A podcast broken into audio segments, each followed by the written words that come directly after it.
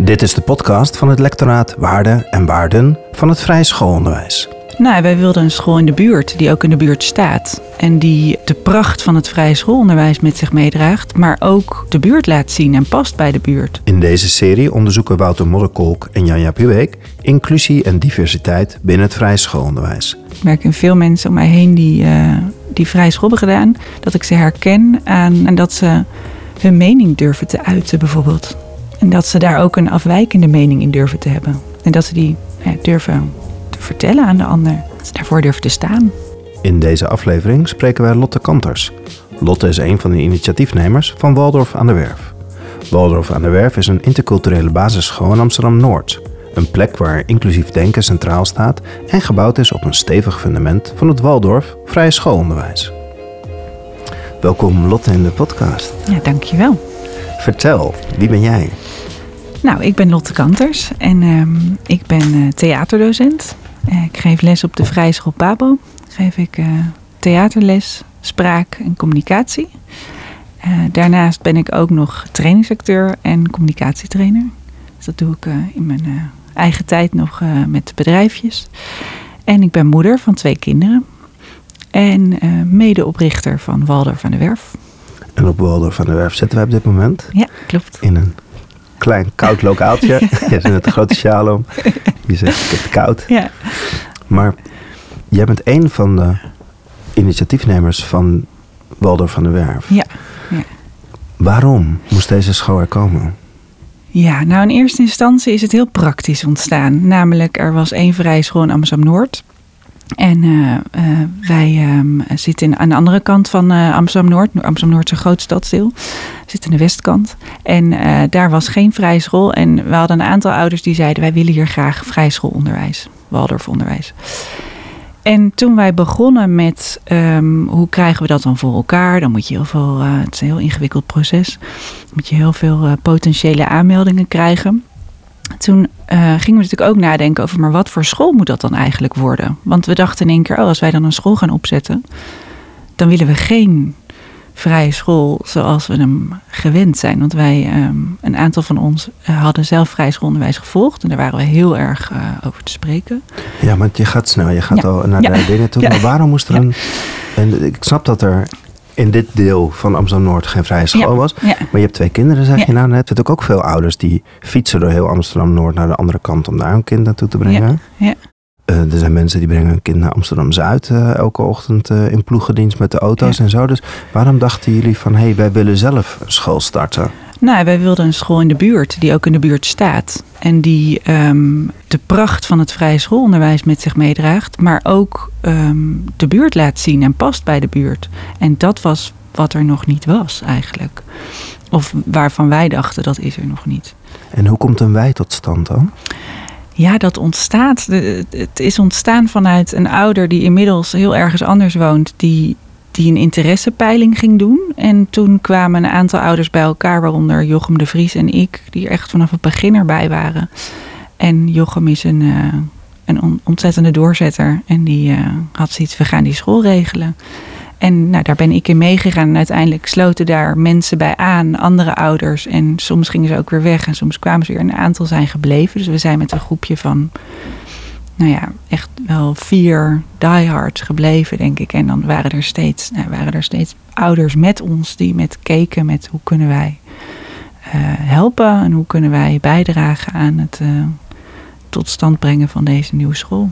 Ja. En wat was jullie gezamenlijke visie, achtergrond? Of... Ja, dat moest dus ontstaan. Dat was, we, we kenden elkaar niet. Dus dat moest, dat moest ontstaan. En dat, dat is best wel. ehm, we zijn er vier jaar mee bezig geweest. Dus dat ontstond steeds meer. En dat kwam dus ook door de mensen die zich aansloten. Kregen we daar ook steeds meer een beeld bij. Eh, we hebben bijvoorbeeld Hennen Abaidi, die is er uiteindelijk bijgekomen. En zij is eh, inclusie-expert en kon ons heel veel vertellen over hoe maak je nou een inclusieve school. Want dat is wat wij wilden. En hadden jullie allemaal een vrije schoolachtergrond? Dat jullie Nee. allemaal dachten van, er moet een vrije school komen? Nee, nee, nee. We, ehm, Jochem wel, die ik net eerder noemde. En ik zelf heb een vrije schoolachtergrond. Eh, maar er waren ook heel veel die ehm, ervan gehoord hadden. Of eh, die ons kenden en ons er heel enthousiast over gehoord hadden. Of die erover gelezen hadden. Iedereen had wel zoiets van, ja, dit is het onderwijs wat ik wil voor mijn kind. Ja. Voordat we naar het ontwerp van het onderwijs gaan, dan even, even ben ik wel benieuwd wat de vrije school jou gebracht heeft. Dat jij vindt dat er een nieuwe vrije school in de wereld moet komen. Ik denk dat ik ben geworden wie er, wie er in mij zit, uh, die, die, die kon worden. Dus dat, dat eruit is gekomen wie ik echt ben. Dus dat ik een heel autonoom mens ben geworden. Dat ja, dat, dat eruit is gekomen door het vrije schoolonderwijs. Ja. En help mij. Want welke rol heeft dan het vrije school gespeeld dat jij kan zijn wie je bent? Ja, um, het is een mooie term altijd hè, van het vrije schoolonderwijs. Ja, en dat, ik geloof ook echt dat dat in ieder geval bij mij zo gewerkt heeft. Ik ben gezien als kind in mijn eigenheid en wie ik ben. Het zit in hele simpele dingen eigenlijk in dat nou, om één voorbeeld te geven, dat ik op de middelbare school een uh, boekverslag maakte. En dat kon ik niet van internet halen. Toen was er al internet en waren er al boekverslagen die je dan zo eraf kon halen. En ik keek echt wel een beetje als puber, wat kan ik wel doen en wat niet. Maar dat kon niet, omdat de vragen zo specifiek waren en zo op hoe ik iets ervaren had, dat kon ik niet van het internet halen. Dus er werd echt van mij gevraagd om dat vanuit mij te uh, beantwoorden. En ik kreeg dan vervolgens van de, van de leraar, dat heb ik ook nog steeds bewaard, ook echt een persoonlijk verslag terug over wat hij van mijn boekverslag vond. En dat het zijn ogen had geopend en dat hij dat, dat boek hadden meerdere leerlingen gelezen.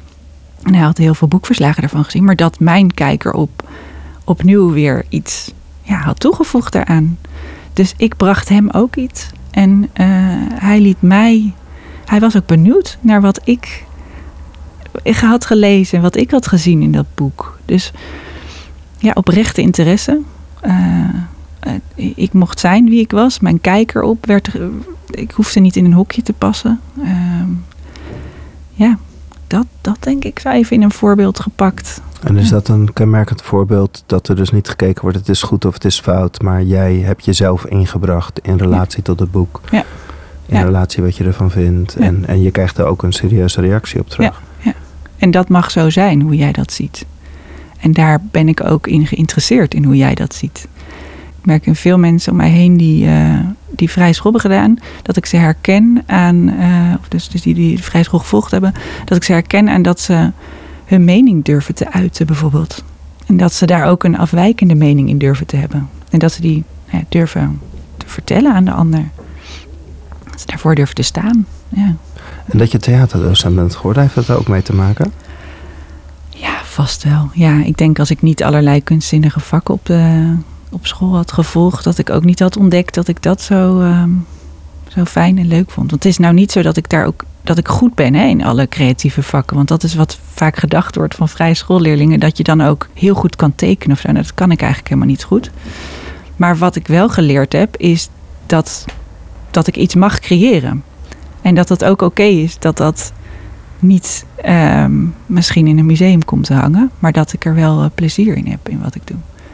En dat is wat ik ook als theaterdocent echt probeer mee te geven. Dat het belangrijkste aan theater vind ik dat kinderen er plezier in hebben. En dat er veiligheid is om dat plezier te kunnen hebben. En het gaat niet om dat perfecte stuk wat er dan uiteindelijk uitkomt. En dat het geweldig gespeeld is vind ik niet het belangrijkste. En dat, dat is wat ik heel erg heb meegekregen van de vrije schoolonderwijs. Dat, dat, daar, ja, dat, je, dat daar iets eigens in mag zitten in dat uh, kunstzinnig werk. En dat, dat dat niet. Dat het niet gaat om het eindproduct, maar echt om het proces. Ja. In hoeverre was er sprake van diversiteit en inclusie op jouw vrije school, basisschool, middelbare school? Want waar heb je op de ja, ik heb meerdere, meerdere vrije scholen gezeten. Ik ben begonnen in Amsterdam. Uh, toen in uh, Helmond, in Brabant is dat. En uh, middelbare school een stukje Nijmegen en toen weer terug naar Amsterdam. Dus ik heb meerdere vrije scholen van En dan wel altijd op de vrije school gebleven steeds? Eén keer ben ik overgestapt. Dat, dat is een beetje een typische, voor sommige mensen die de vrije school gevolgd hebben, een herkenbare stap. Dat je de basisschool helemaal afmaakt. En vervolgens zegt: nee, ik wil niks meer met de vrije school te maken hebben. Ik ga naar het regulier onderwijs. Nou, dat heb ik ook gedaan. Uh, en daar ben ik uh, toen vrij snel uh, ben ik weer overgestapt. Ja. Dus waarom? Ik heb, daar was ik, voelde ik me helemaal niet thuis. Helemaal niet. Nee, nee echt. Um, Nee, nergens, nergens in. Nee. Dus is er wel in de inhoud van de lessen niet als uh, in eh, mijn contact met de leerkrachten niet. Ehm, leerlingen, nee, echt op geen enkel vlak. Dus daar ben ik heel snel weer weggegaan. En toen ben ik ook, heb ik besloten, dus toen was ik, uh, nou ja, brugklas heb ik dus gedeeltelijk regulier gevolgd. En toen heb ik besloten, ik ga naar Nijmegen. En dat was anderhalf uur heen en anderhalf uur terug met de bus. Omdat ik zo graag terug wilde naar het vrij schoolonderwijs. Dus dat, ja, was echt een hele bewuste keuze van mij om dat te doen. Moest ik om zes uur op en dan stond ik bij de bus te wachten om uh, met de bus naar Nijmegen te gaan. Ja. Ja. Om, om weer gezien te worden, om weer te zijn wie je bent.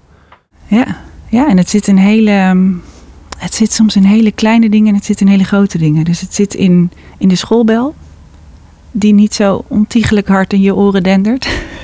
S ochtends vroeg.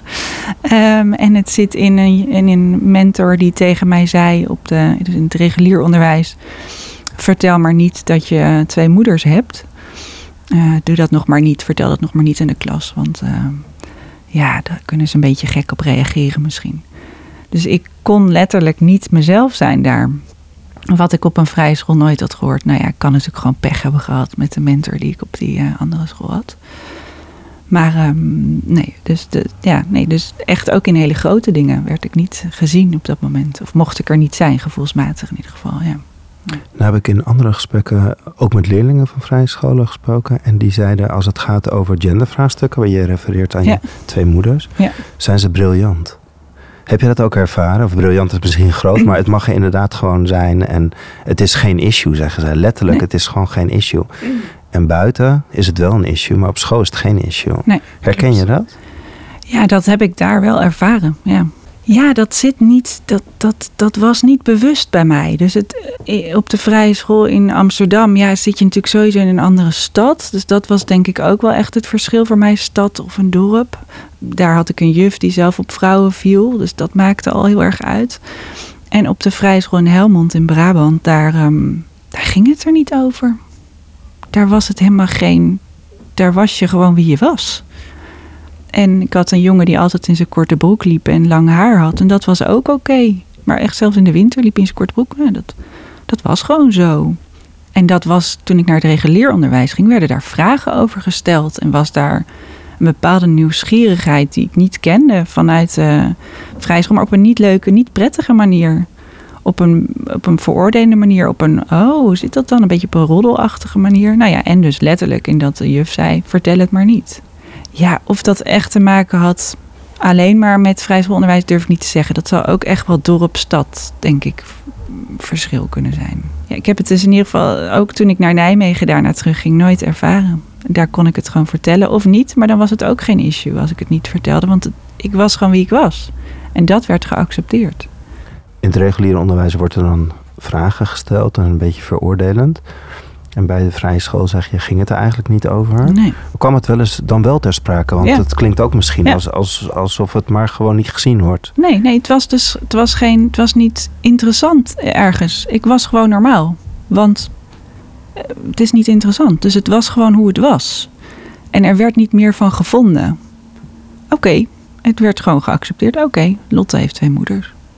En hoe was dat voor jou? Ja, heel fijn omdat zeker op die leeftijd, als je rond de 12, 13, 14, wil je gewoon erbij horen, over het algemeen. Of juist je onderscheiden um, door er niet bij te horen. Maar over het algemeen wil je in ieder geval niet dat je wordt gezien als iets bijzonders of iets geks. Of, of dat er aangehangen werd. Bij mij werd er dan ook vaak gezegd: dan zal je ook wel op meisjes vallen. Als je twee moeders hebt, dan zal je. Terwijl dat dat was niet het geval. Maar hoe moest ik dat dan gaan verdedigen en hoe moest ik dat dan gaan uitleggen? En, uh, en dat hoeft helemaal niet op de vrije school. Daar, daar was het gewoon. En meer ook niet. Dus eigenlijk net als het met mijn karakter of met mijn ontwikkeling, was het ook gewoon Lotte.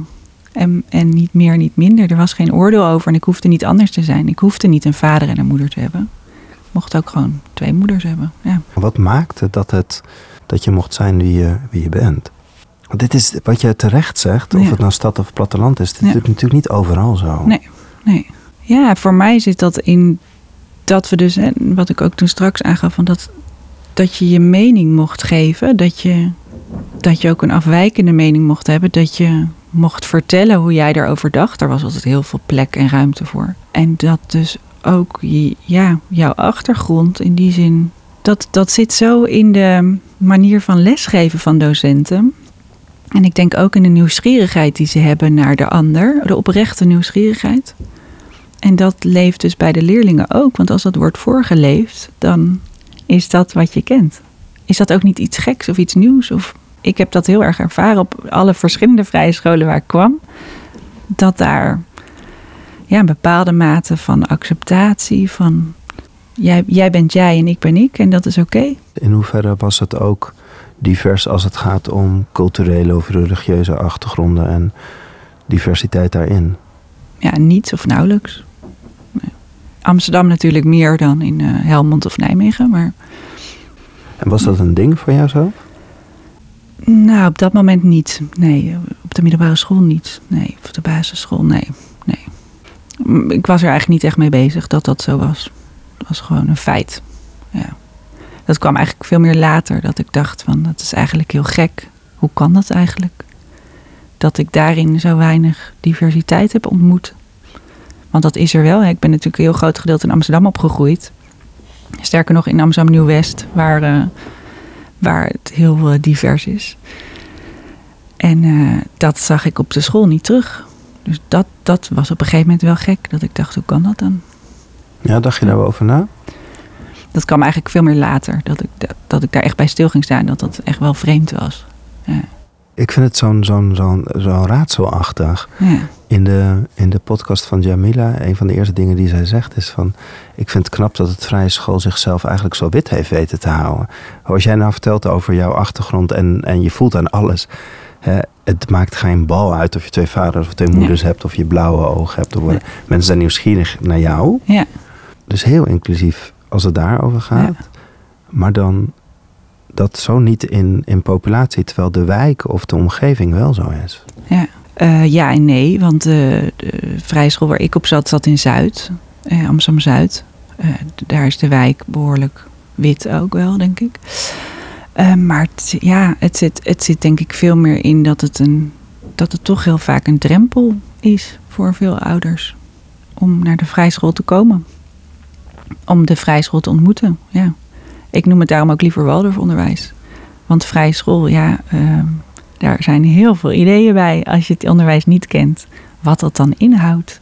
En dat zijn eigenlijk al heel veel aannames die totaal haak staan op waar het onderwijs voor staat. Dus dat is, uh, ja, dat is eigenlijk al heel wonderlijk, maar ook zonde vind ik. Want daarmee, daarmee creëer je al zo'n idee over het onderwijs wat niet klopt ja, ik denk dat Waldorfonderwijs daarin een veel betere naam eigenlijk is. Ja, maar laten we dan die stap maken, want dan ga je zelf kijken naar een nieuwe school. Ja. En dan vanuit het vrije schoolprincipe of vanuit vrije schoolpedagogiek. Ja. En dan wil je er een aantal dingen in wel hebben. Dat, wat waren absoluut meteen de ankerpunten waarvan jullie hadden zo van we willen vrije school. Ja. Maar dan willen we wel.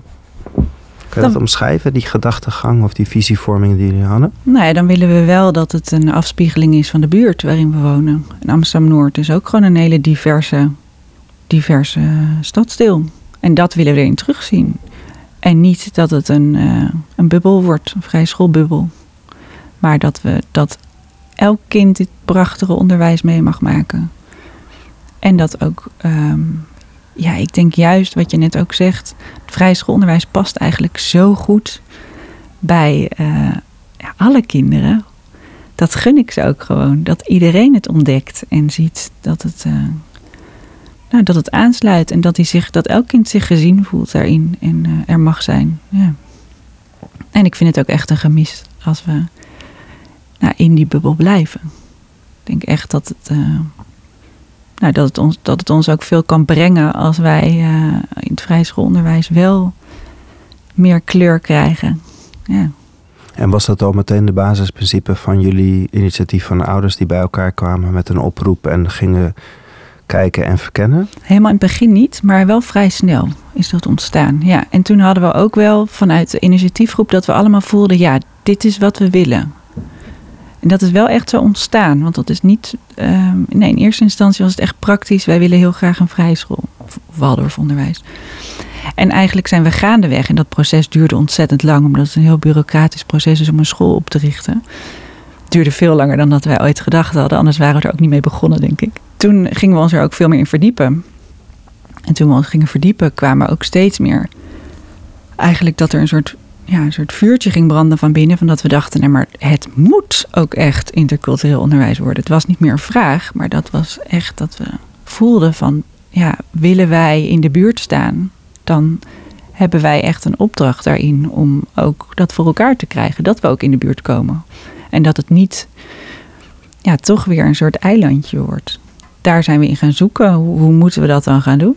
En uh, wat vraagt dat dan van ons? En hoe kunnen we ervoor zorgen dat het echt in de wortels zit, echt in het DNA? Want wat we veel zagen is dat, dat er ook wel. Um, uh, dat het wel werd geprobeerd, of dat er wel initiatieven waren om, om meer diversiteit of meer inclusie te krijgen op vrije scholen, maar dat dat dan ja, toch ook vaak niet helemaal lukte. Of, of dat er wat, nou ja, dat er, dat er hobbels kwamen. En wij wilden eigenlijk die hobbels voor zijn.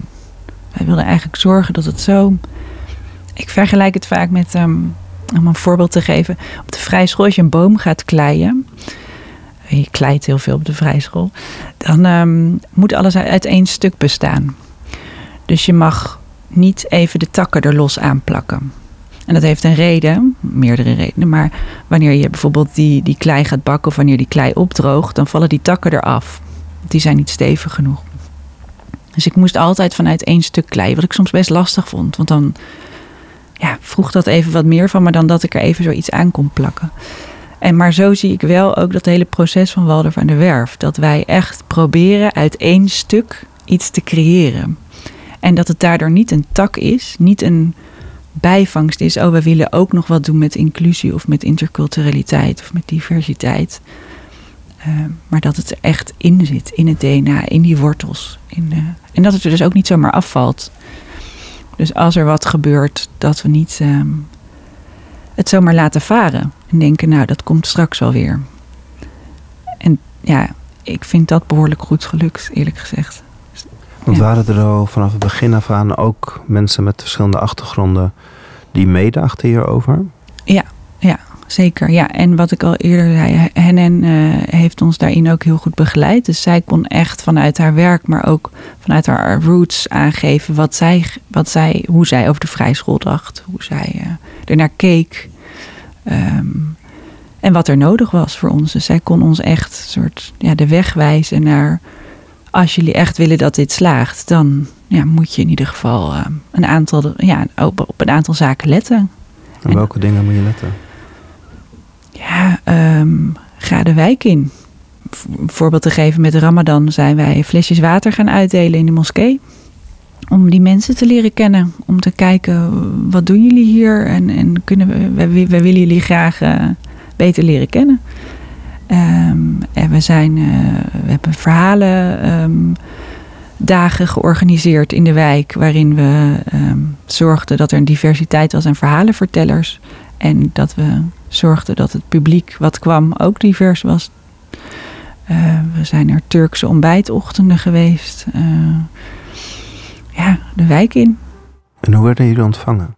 Heel gastvrij, heel verrast ook. Mensen waren verrast door door onze interesse in hen en, en dat wij überhaupt de moeite hadden genomen, wat voor ons niet voelde als moeite, maar zij zagen ze dat wel om daarheen te komen en om, uh, ja, om, om, om hen beter te leren kennen en om, om ook iets te vertellen over ons.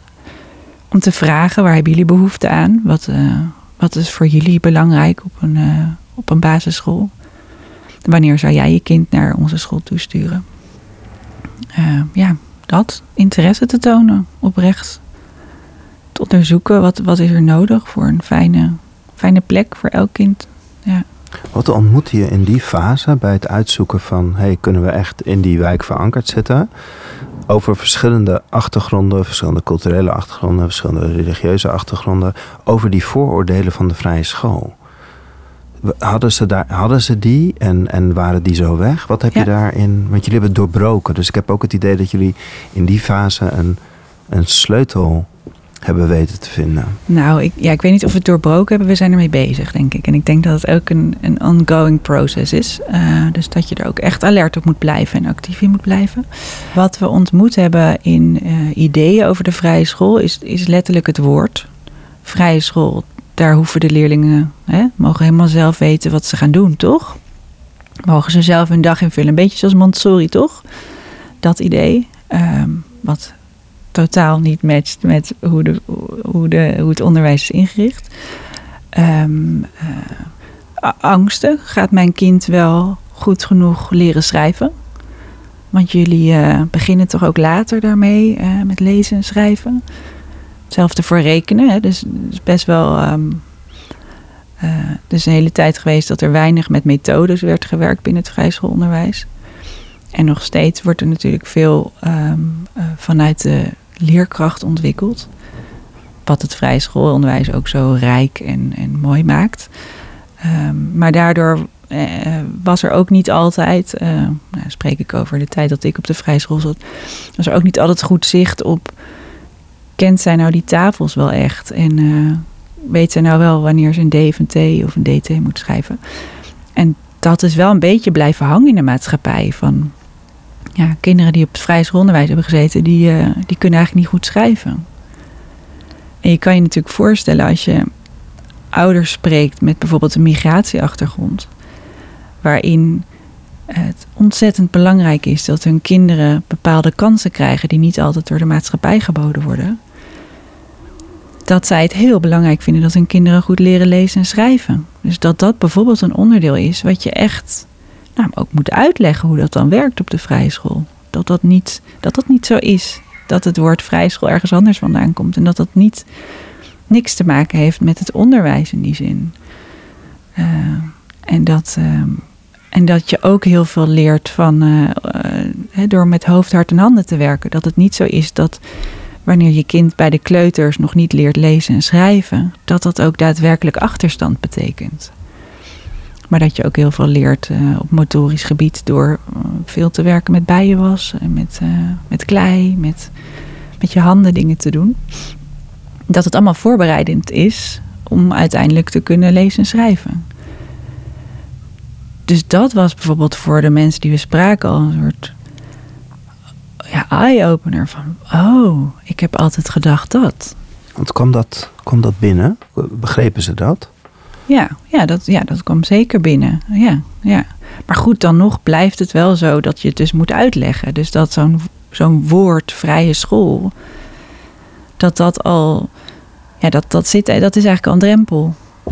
En dan, nou, dat is één onderdeel. Een ander onderdeel is dat het natuurlijk behoorlijk christelijke inslag heeft. Uh, dus dat het ook door veel ouders werd gezien als, um, ja, maar dat is een christelijke school. Om een voorbeeld te geven, in de kleuterklas hangt vaak zo'n groot Madonna-portret. En is hele mooie, de, de, achtergrond daarvan is dat het, zij houdt uh, haar kind vast en dat het gaat om eigenlijk om de omhulling die je ook wil bieden aan kleuters. Nou, dat is een hele mooie gedachtegang, maar ik hoorde ook van ouders die op een vrije school naar binnen liepen en dat zagen hangen, dat ze dachten: oké, maar dan ga ik hier niet naartoe.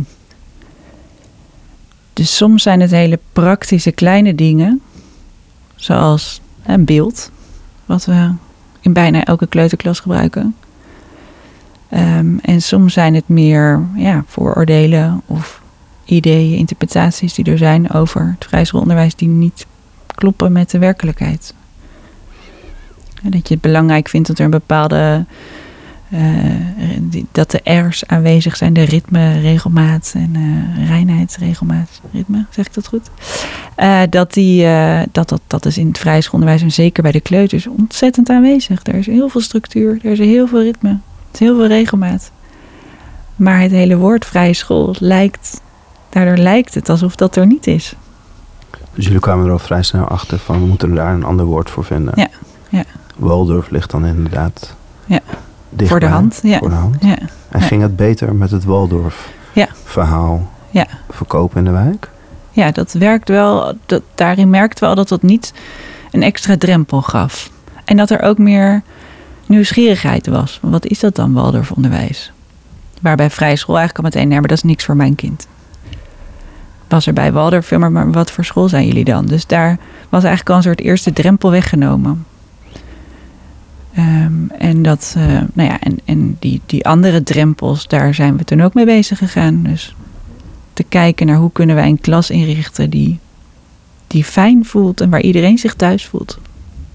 Hoe kunnen we ervoor zorgen dat de leraren en de schoolleider die we aantrekken, dat, dat, dat zij ook dit gedachtegoed belangrijk vinden en met zich meedragen. En dat het niet een bijzaak wordt, want dat is wat je toch veel hoort en ziet. Of het is, het is ook niet een checklist. Dus uh, dat, dat we docenten aantrekken die daar oprecht ook, ook nieuwsgierig naar zijn en ook in durven zoeken. Want dat is het ook, durven zoeken samen. Hoe gaan we dat dan vormgeven? En daarin ook mogen zoeken. Want het is best wel spannend soms ook. En het scheurt soms ook. En dat dat mag en dat je dat samen als team durft te doen. Dus dat hebben we heel erg meegenomen ook bij de selectie. Te kijken van, als jij hier wil werken, sta je daar dan ook voor open. En is dat dan eh, wat, wat op de deur staat, of help mij, wat staat er nou precies? Er staat wel intercultureel. Van, intercultureel. Ja. Terwijl als ik naar jullie website kijk, of als ik Jamila ook hoor, dan is het eigenlijk een stap verder. Is dat jullie zeggen van we zijn inclusief. Nou, dat, dat willen we worden in ieder geval, ja. ja. Is het een tussenstap? Ja, dat denk ik wel. Ja, inclusiviteit, dat is echt wel groot. Uh, inclusiviteit betekent bijvoorbeeld ook dat we een school zijn waar een kind met rolstoel ook uh, naartoe kan, bijvoorbeeld, die in een rolstoel zit. Uh, nou, we zitten nu in een soort. ja, we zitten nu in een ruimte waar, waar het koud is, doordat de verwarming het niet helemaal goed doet. Maar dat komt ook doordat containers zijn, die tijdelijke, tijdelijke lesruimtes. Ja, ik zie hier nog geen um, rolstoel naar binnen rijden. Dat kan bijna niet, denk ik. Daar is het ook te klein voor. Er zijn de, de gangen te smal voor. Om één voorbeeld te noemen. Ik denk dat we op het gebied van diversiteit nog diverser kunnen worden. Ik denk dat we best wel veel hoger opgeleide ouders hebben. Uh, dat we nog meer in die zin de buurt mogen gaan zien. In, uh, in ons, terug gaan zien in onze school. Ja. Dus dat is een, het is een zoektocht en een. En een dat, is, dat is begonnen. En daar zijn we nu uh, in de eerste stappen, zeg maar kinderschoenen. Toen ik jou vroeg van, hey, wat heeft vrije school jou gebracht? Toen zei je echt als eerste van, ja, ik ben, ik, mag, ik ben geworden wie ik ben. Of ik, ja, dat, dat mag zijn. Dat, ja. dat is ook congruent in jouw verhaal, dat je steeds mocht zijn. Wat ik zo mooi vind aan het vrije schoolonderwijs is je leert lezen en schrijven door vanuit jou te vertrekken. Mm -hmm. hè?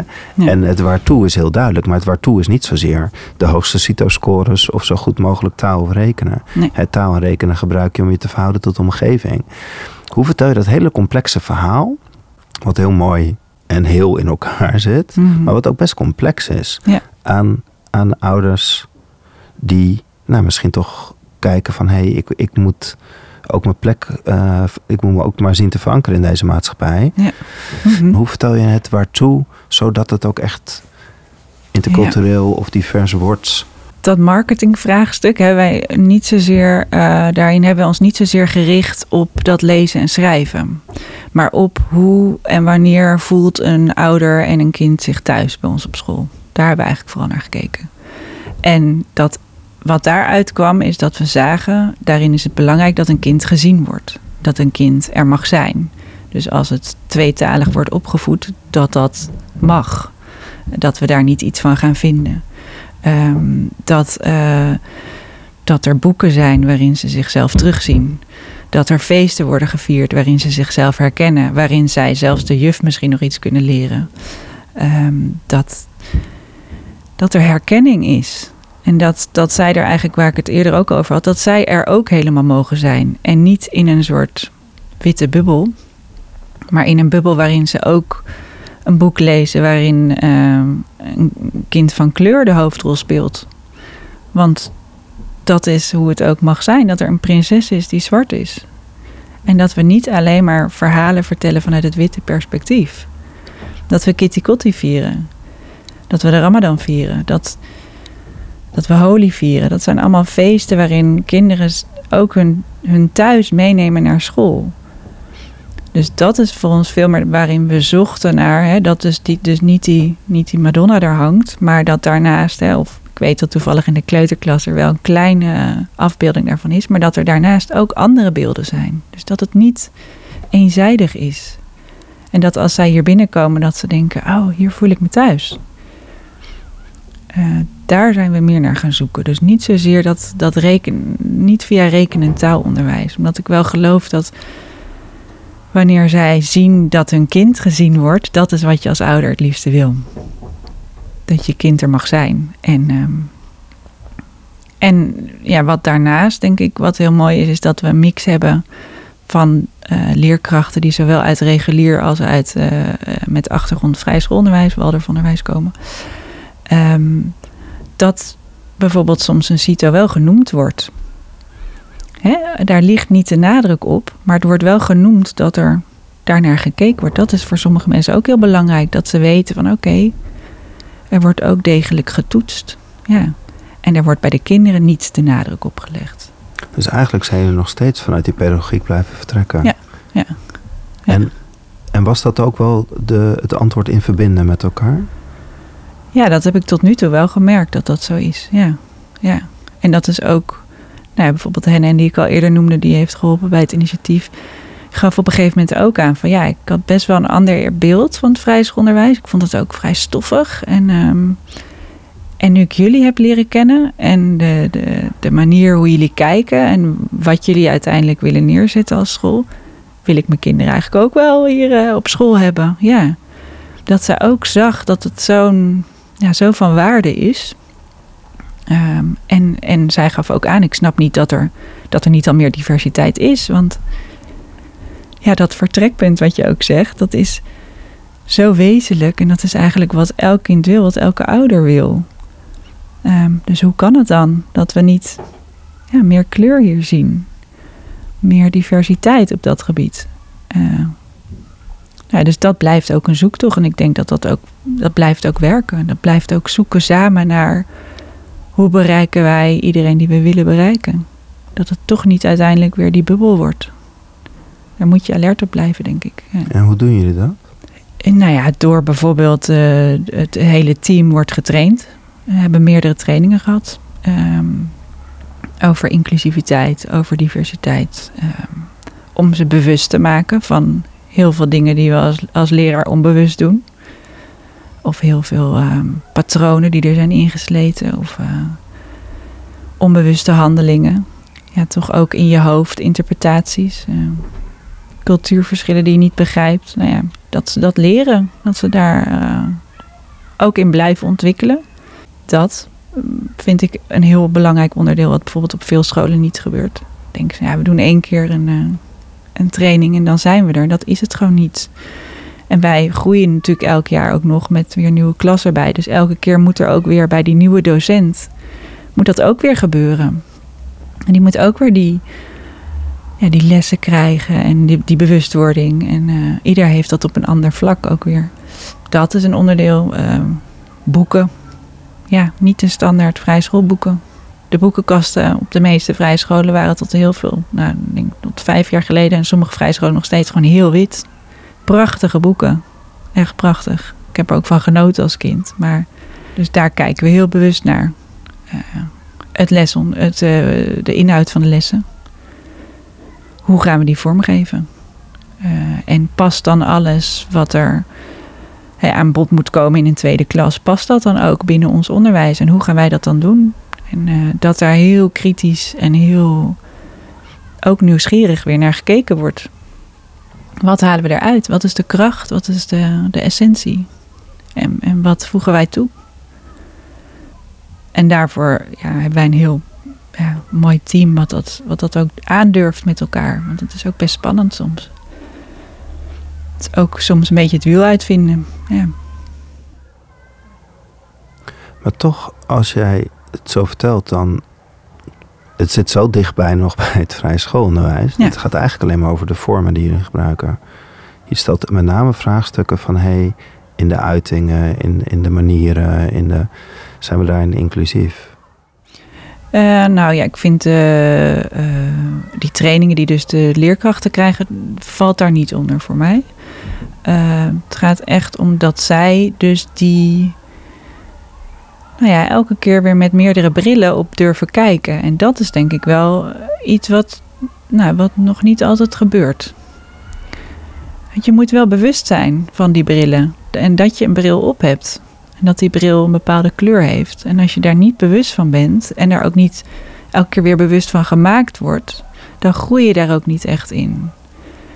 Dus ja, het zit in vorm, maar voor mij is dat bijvoorbeeld ook wel echt een ankerpunt. En dat we Jamila hebben als schoolleider, die al zo'n andere blik meegeeft. Uh, vanuit, hè, zij komt vanuit regulier onderwijs, uh, vrouw van kleur. Dus die kan zo aangeven wat er nog nodig is en kan er ook echt voor gaan staan en blijven staan. Vorig jaar in coronatijd, toen wij begonnen zijn, waren er echt wel momenten dat ouders ook zeiden: Maar moeten wij niet, uh, moeten we niet zorgen dat gewoon eerst het onderwijs heel goed staat en die, die school er gewoon hè, staat? En dat we dan pas iets met die inclusiviteit gaan doen. En ze zei Jamila heel duidelijk nee. Waar ze, waar ze op sommige plekken nog wel kan zoeken naar wat vind ik daar nou eigenlijk van. Of uh, was het hier heel duidelijk nee. Dit zit in ons DNA, dit hoort bij de school. Waar denk ik heel veel andere schoolleiders hadden gedacht. Ja, uh, ja corona, uh, net een school begonnen.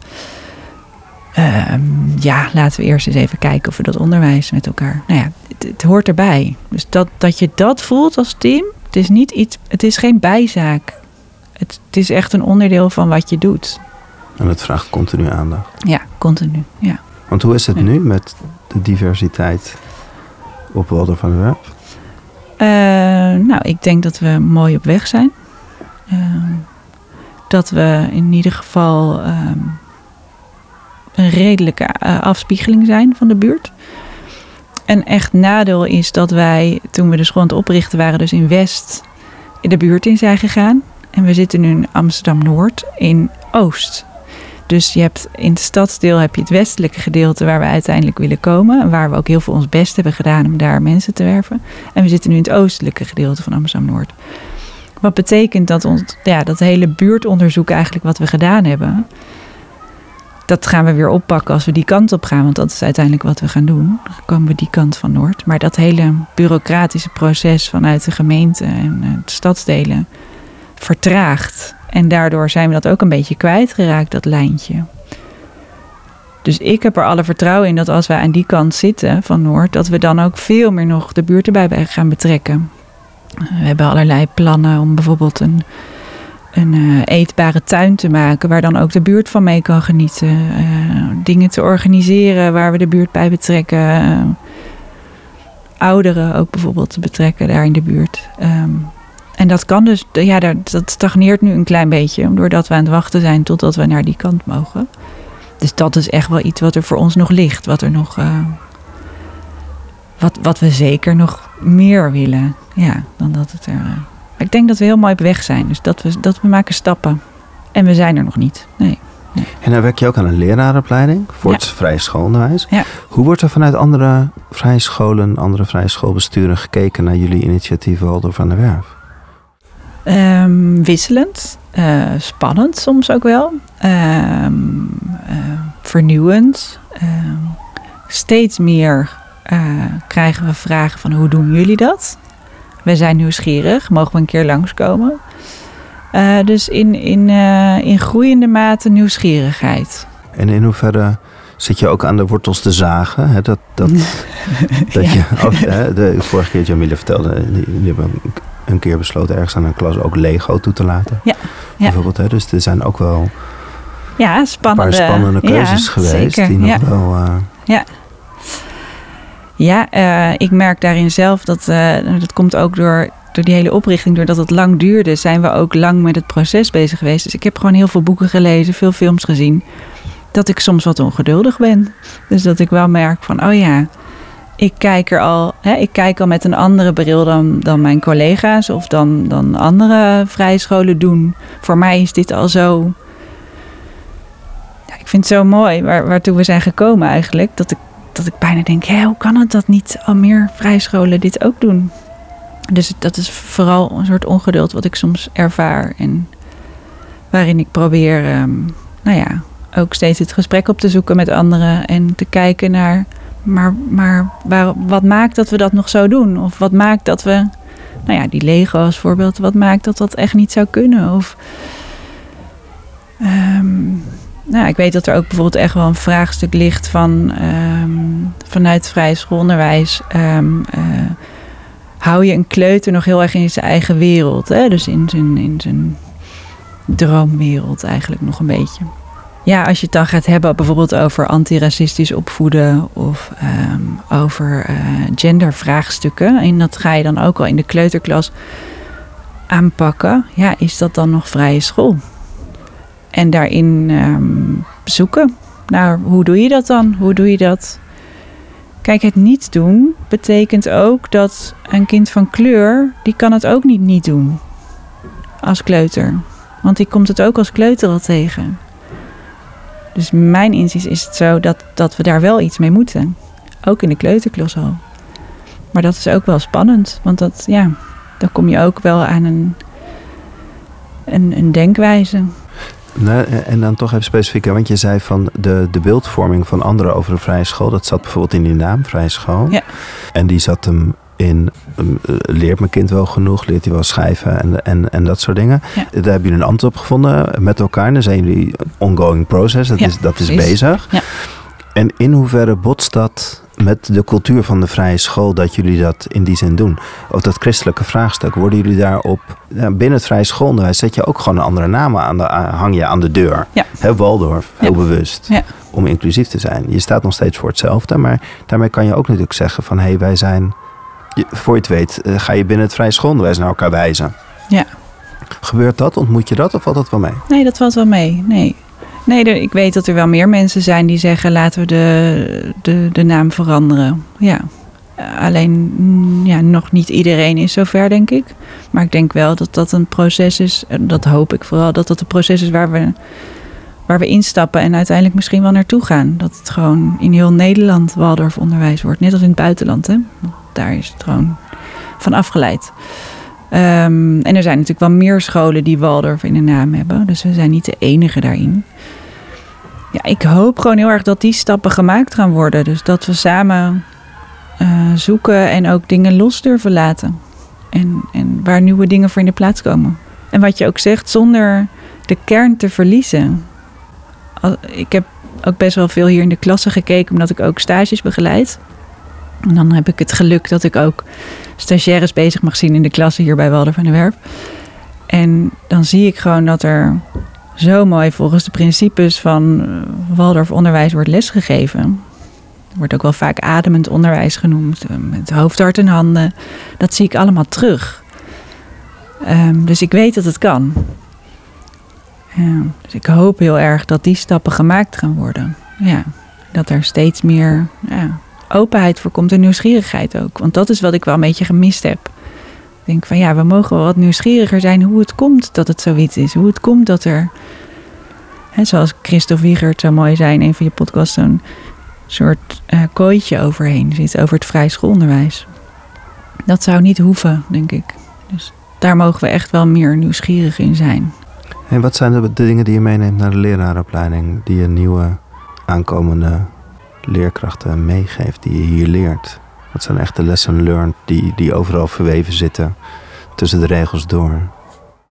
Nou, ik denk, ik denk wel dat ik, dat ik ze bevraag op durf, durf je eigen koers te varen. Dus durf te kijken naar wat is het juiste om te doen. Ehm, en ook nou, dat, dat, dat er ook wat meer de blik naar buiten komt.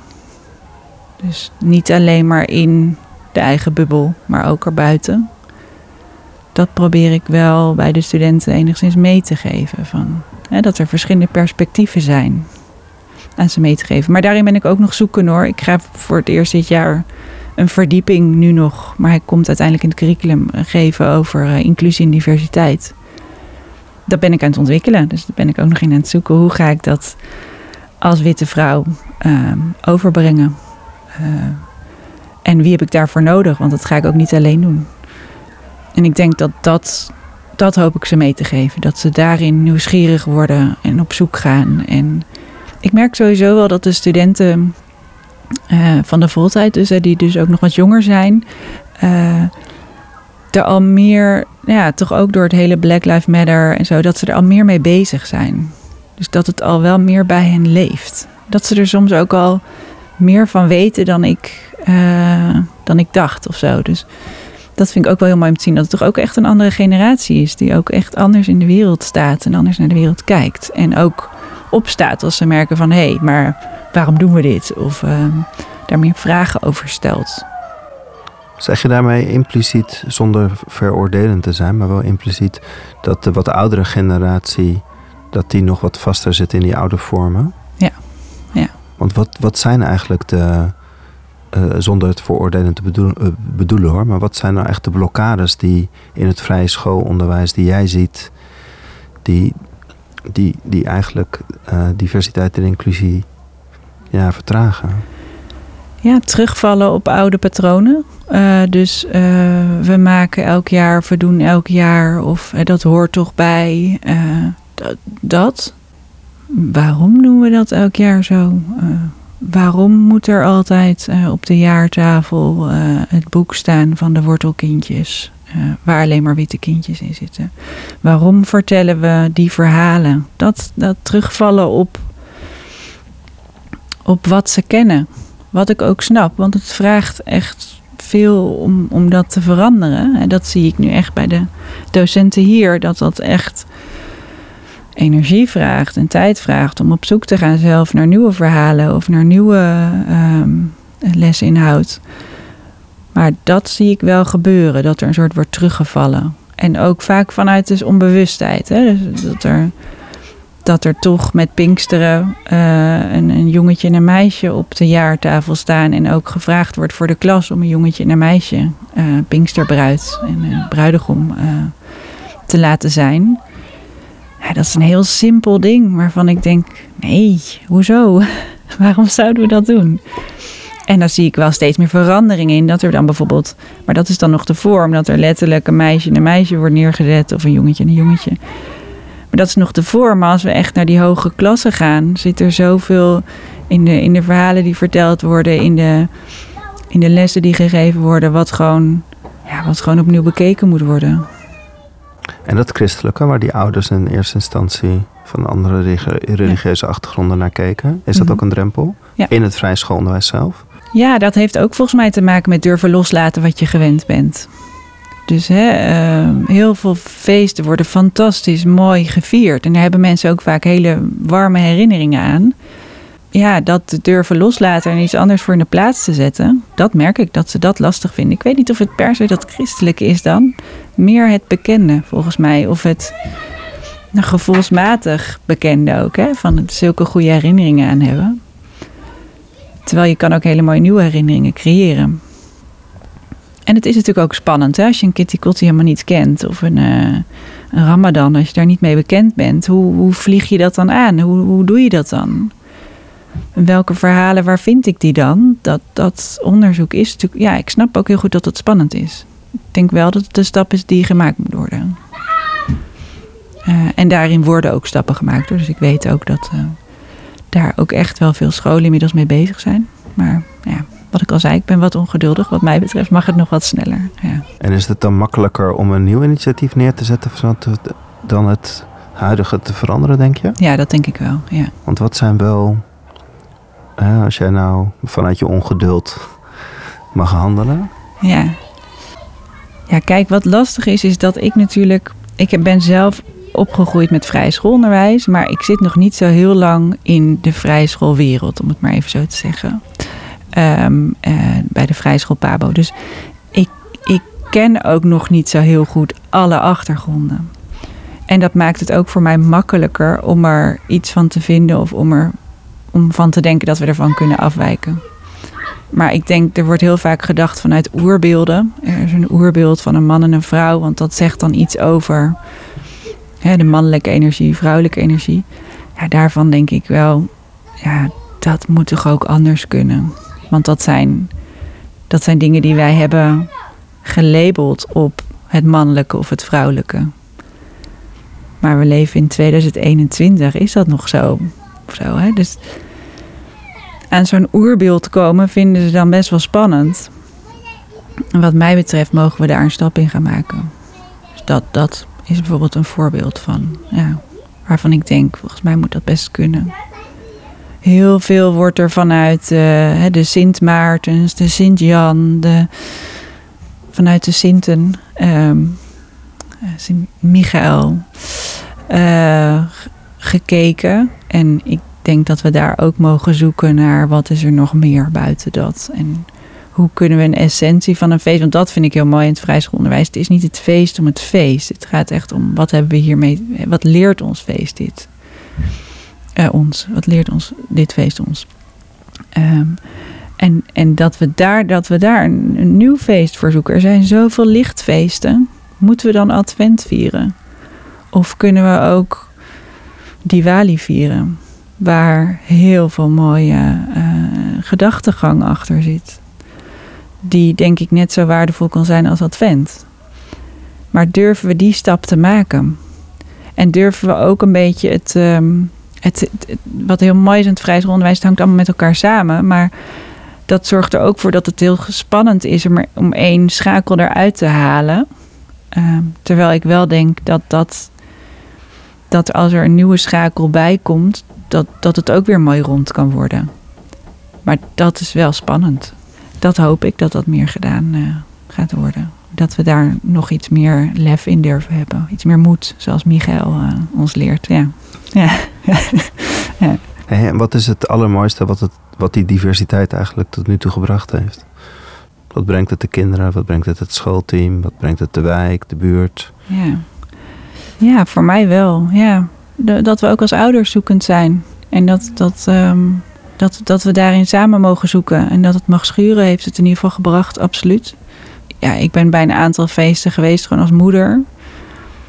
Ja, ik vond dat heel... Um, ik was dan bijna ontroerd doordat dat dat ik daar herkende dat er zo'n moment van werd gemaakt. En dat de leerlingen door zo'n feest zoveel leren eigenlijk.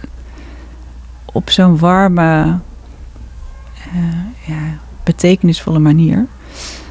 Dat we echt als, wat ik echt zie dat het team doet, is dat ze, dat ze open durven zijn en eerlijk en, en, uh, en samenzoekend. En dat het niet ieder voor zich is, maar dat het echt als samen gebeurt, als team. Uh, ja, en ook echt bij veel ouders bewustwording gebracht. Ja, ja. vooralsnog. En ik hoop dat het nog veel meer uh, uh, ook anderen inspireert om, om tot nieuwe acties te komen en dingen te veranderen, verandering in gang te zetten. Ja, dus dat, dat ook. Dat ik merk ook dat door bijvoorbeeld alleen onze marketing, door Instagram, waar dan andere vrijscholen ook van denken: oh hé, hey, wauw, dat feest kende ik helemaal niet, dat is nieuw voor mij. Dat het aanzet, dat het een uh, beginnetje is om, om samen te zoeken, ja, te onderzoeken. En als je kinderen van Waldorf van der Werf afgaan, waar hoop je dan waar hoop je dat de school of de beweging vrije scholen in Nederland over tien jaar staan? Grote vraag eigenlijk. Ja, een hele grote vraag, ja. Als ik gewoon puur kijk naar waar hoop ik dat mijn kinderen staan, dan, dan merk ik nu al in de gesprekken aan tafel dat daar, dat daar een verandering gaande is. En dat ze, dat ze echt veel bewuster zijn van hè, op, op hun eigen ontwikkelingsniveau van, um, van de maatschappij. Um, dus ik hoop dat dat groeit. En dat daar uh, compassie naar elkaar en uh, empathie, dat dat echt iets is wat zich blijft ontwikkelen. Um, en uh, ja, over tien jaar, ik hoop dat er dan echt stappen gemaakt zijn. En dat, dat het dan niet meer uniek is of zo. Hè? Wat het nu nog, nu is nog bijzonder in Nederland. En dat dat het niet meer is. Dat hoop ik, ja. ja. Bestaat vrije school nog over tien jaar? Ja, zeker. Ja. ja. Nou ja, ik hoop Waldorf onderwijs. Ja. Waldorf onderwijs bestaat nog over tien jaar. Ja. Vrije school als naam misschien niet meer. Maar uh, ja, zeker. Ja, het onderwijs is uh, zo mooi. Ja. Ja. ja, nou Lotte, dankjewel. ja, jij dankjewel. Je luistert naar een podcast in de serie Waarde van het Vrije Schoolonderwijs, waar leden van de kenniskring inzichten en vragen delen over het vrije schoolonderwijs. Daarnaast komen in deze serie mensen aan het woord die vanuit hun ervaring of expertise hun licht laten schijnen op het vrije schoolonderwijs. Like deze uitzending zodat meer mensen ons makkelijker kunnen vinden. Tot de volgende aflevering in deze serie.